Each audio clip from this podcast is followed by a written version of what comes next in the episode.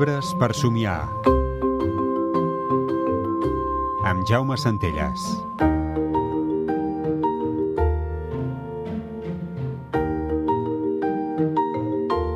I el llibre per somiar d'avui és eh, Diumenge, de Marcelo Tolentino, publicat per Coquinos. Jaume Centelles, de què explica Hola. aquesta història?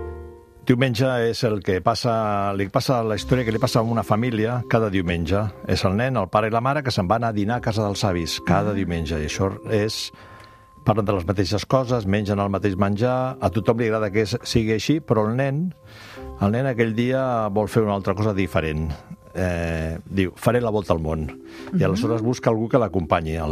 L'avi està veient la tele, el pare i la mare està fent el berenar, l'àvia està estenent la roba, etc.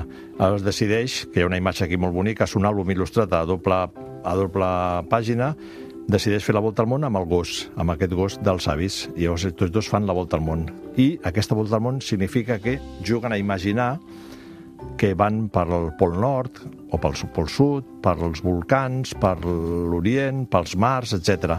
La gràcia del llibre és que a partir d'aquesta imatge en què els dos comencen a, a caminar pel món, a imaginar, de fet és un viatge imaginari, anem veient objectes que ja han aparegut a la primera part. Per exemple, quan van pel, pel pol, veiem aquí la, el pingüí, que ha sortit abans. Eh, quan van pels volcans és el flam que estava fent la mare. Quan el, les dunes del desert, si t'hi fixes, són la cara de l'avi que està mig adormit.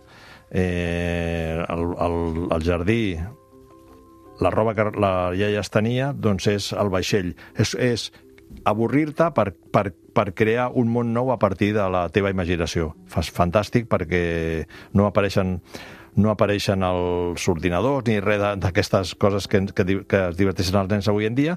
Hi ha un punt que el nen comença a mirar per, la, per un llargavistes i diu m'agafa la nostàlgia, potser que torni a casa. I, i és el, el retorn a, casa i a partir d'aquí se'n va i li explica a l'àvia el, que ha, el que ha viatjat, els llocs que ha estat, imaginaris, i l'àvia se'l mira i aleshores ell, pum, té aquell punt de dir ostres, doncs ara començaré un altre viatge encara més fantàstic.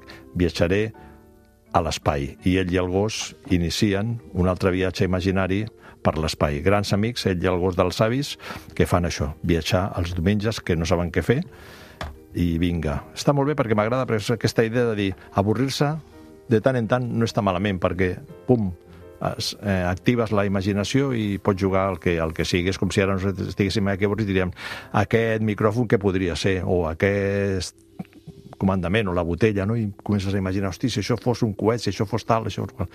Molt maco. A més, les il·lustracions, ja ho has vist, són precioses, molt bonic. És un, il·lustra... és un autor, il·lustrador, perdó, brasiler, Marcelo Tolentino, i crec que és un llibre maco a partir dels 5-6 anys per mirar, sobretot, i descobrir i trobar cadascuna de les coses que surten a la segona part on estaven.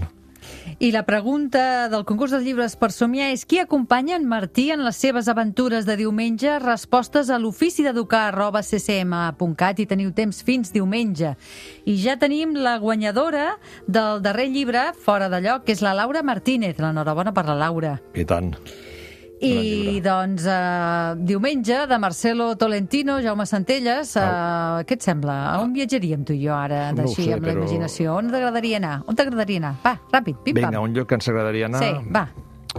Jo, és que hi ha tants llocs xulos per anar pel món. Potser el Pirineu, mira, és un lloc que m'agrada, el Pirineu. Doncs eh, marxem? Vinga. Vinga, cap al Pirineu. Adéu, marxem al Pirineu. Adéu. Adéu. No m'expliquis coses que no em serveixin per la vida.